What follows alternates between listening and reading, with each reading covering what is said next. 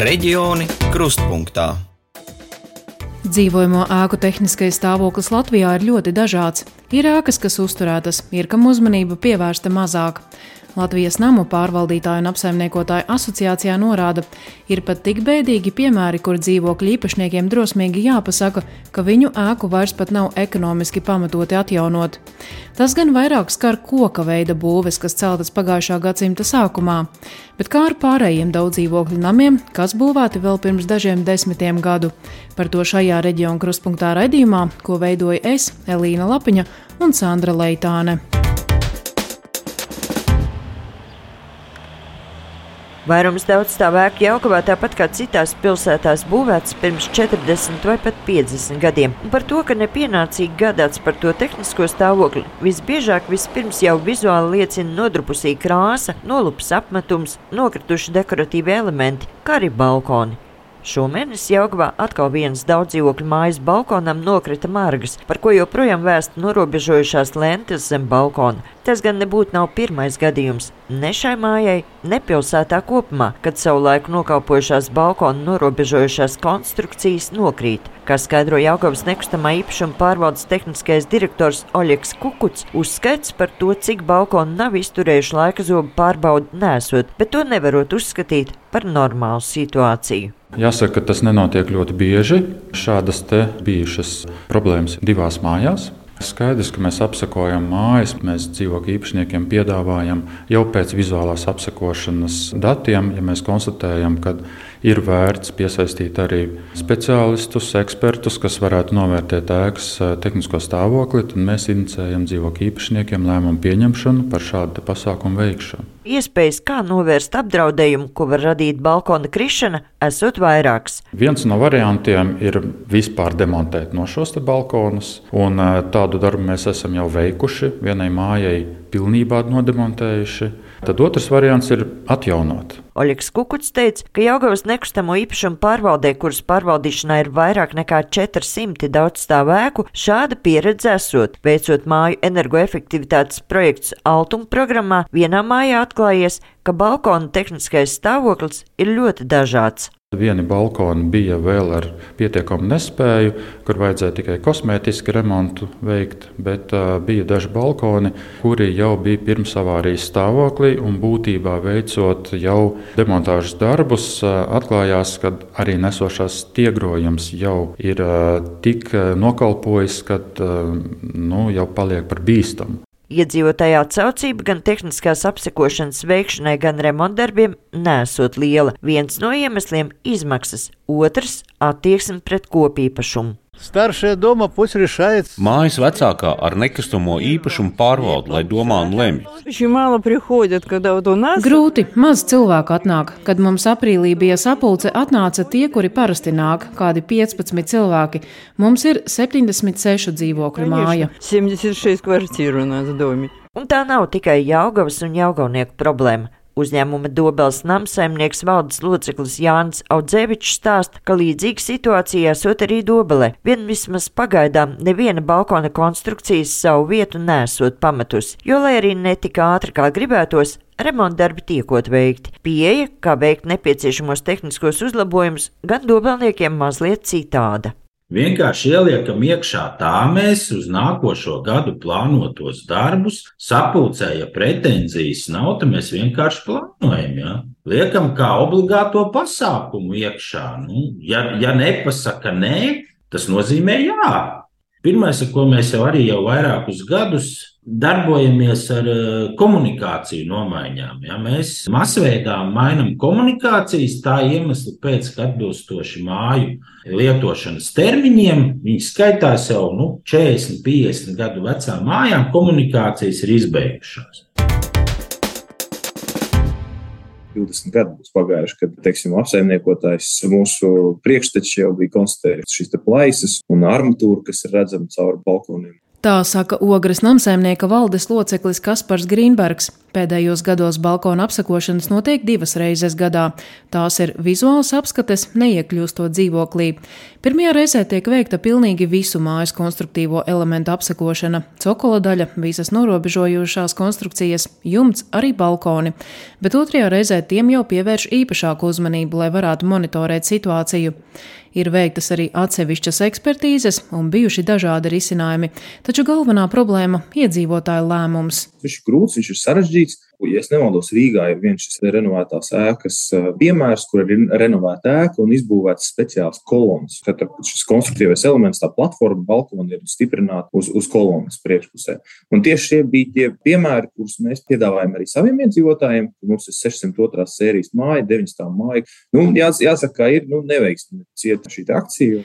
Kopumā atbalsts no iedzīvotājiem nav bijis, bet arī demontēt balkonus nesot gatavi. Kaspara Grīmberga prāta prasītos kāds stingrāks regulējums no valsts puses, jo šobrīd ar iedzīvotāju brīvprātību nama apsaimniekotājs iestrēgst krustcelēs. Būtībā būtu jāļauj citām pieņemt lēmumu viņu vietā. Ne nama apsaimniekotājs var interpretēt, teiksim, ņemot vērā ēkas stāvokli slikto, ne arī dzīvokļu īpašnieks var teiksim, interpretēt, ka nu, nav tik slikti, mēs varam balsot pret, piemēram, šo atjaunošanu. Ja? Nu, tad te būtu tam vēl vienam regulējumam jābūt, tas varbūt valsts standarta līmenī vai, vai, vai kā savādāk. Vienalga, kas skaidri un gaiši pasaka, tik un tik ilgā laikā remonta darbu tām, tik un tik ilgā laikā dzīvokļu īpašnieku balsojums par to, nu, vai attiecīgi nelokām rīcību katrā ziņā. Un tas, tas, kas mums, manuprāt, drusku, drusku pietrūkst. Un, ja iedzīvotāji nevar saņemties pieņemt lēmumu par labu balkonu sakārtošanai, tad kur nu vēl veikt kompleksu ēkas renovāciju?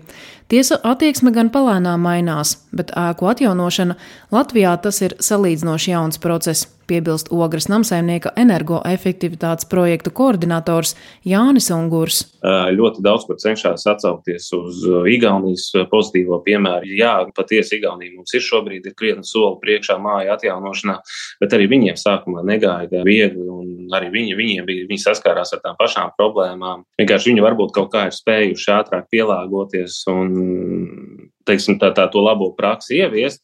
Mums tas ir gājis nedaudz lēnāk, bet uh, vismaz šobrīd jau ir ļoti labi redzams, ka nu, pēdējie divi gadi būs diezgan pozitīvi. Tie tādā skaitliskā veidā, kad uh, daudzdzīvokļu mājas ir attiektas. Kā rāda pētījumi un pieejamie dati, Jānis Ungurs saka, šobrīd neapmierinošā vai avārijas stāvoklī ir apmēram 20% daudzdzīvokļu ēku.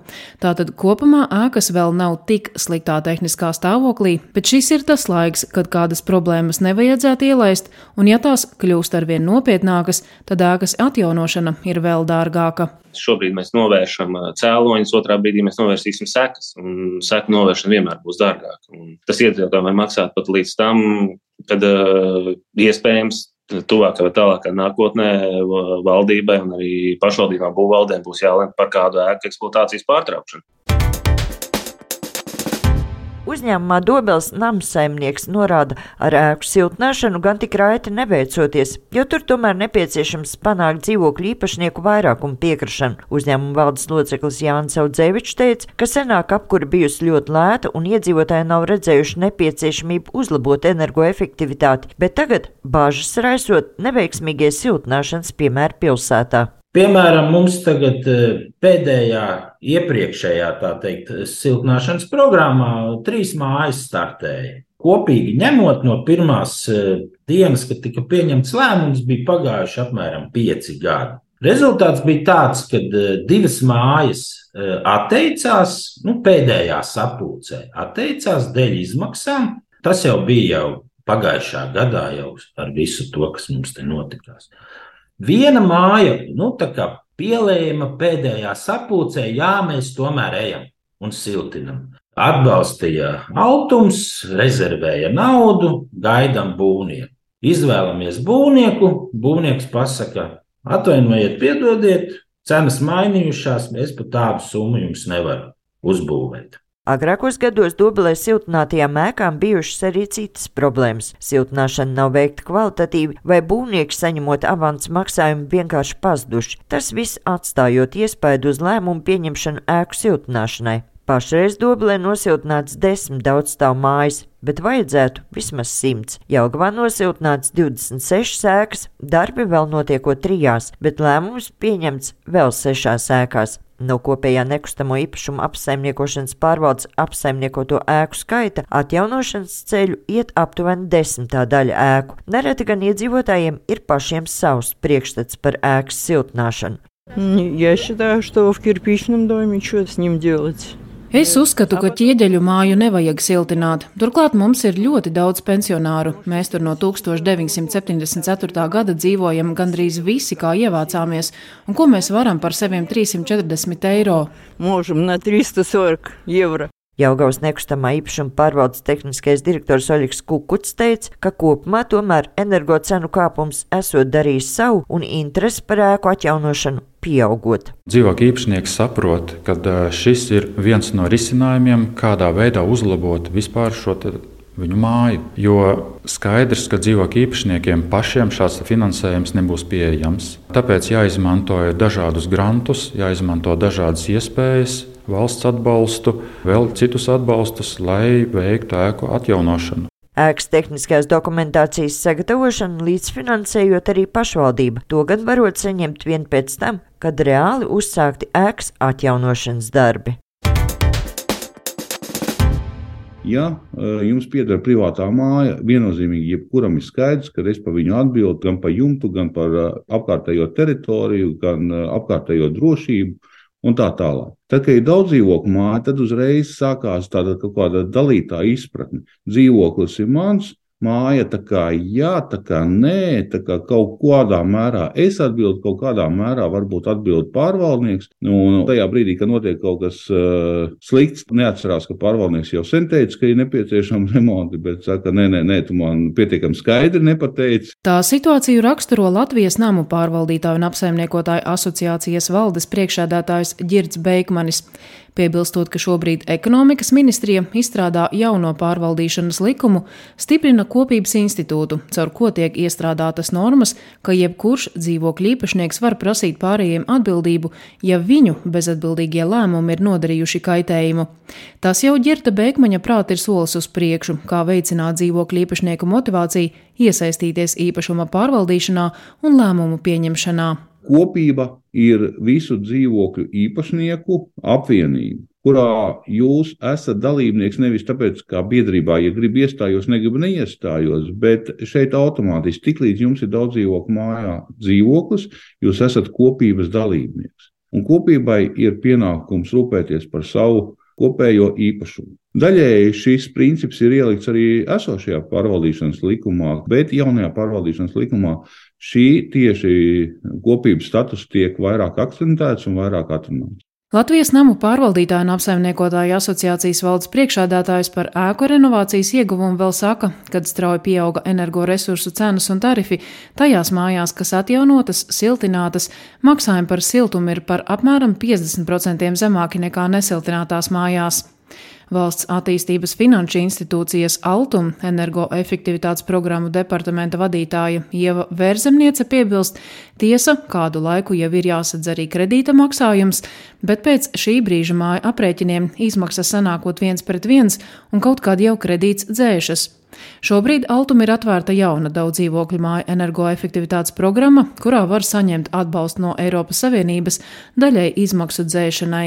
Programmas kopējais finansējums ir apmēram 57 miljoni, apmēram 170 mājām. Iepriekš Eiropas Savienības atbalsts sasniedz līdz 50% no kopējām projekta izmaksām, tad šajā jaunajā programmā Eiropas Savienības atbalsts ir līdz 49% no projekta izmaksām. Taču šajās projekta izmaksās nevar attiecināt, nevar ielikt pievienotās vērtības nodokli, kas rodās no šīm izmaksām. Līdz ar to tomēr jāatzīst, ka tas kopējais atbalsts nebūs tie 49%, būs, bet būs robežās no 35 līdz 40% no projekta izmaksām. Ieva Vērzemniece piebilst, ne atbalsta veidā, bet ir pieejami arī banku kredīti. Mājām ir jāvēršas pie savām bankām un iespējams var saņemt aizdevumu kādu konkrētu darbu veikšanai.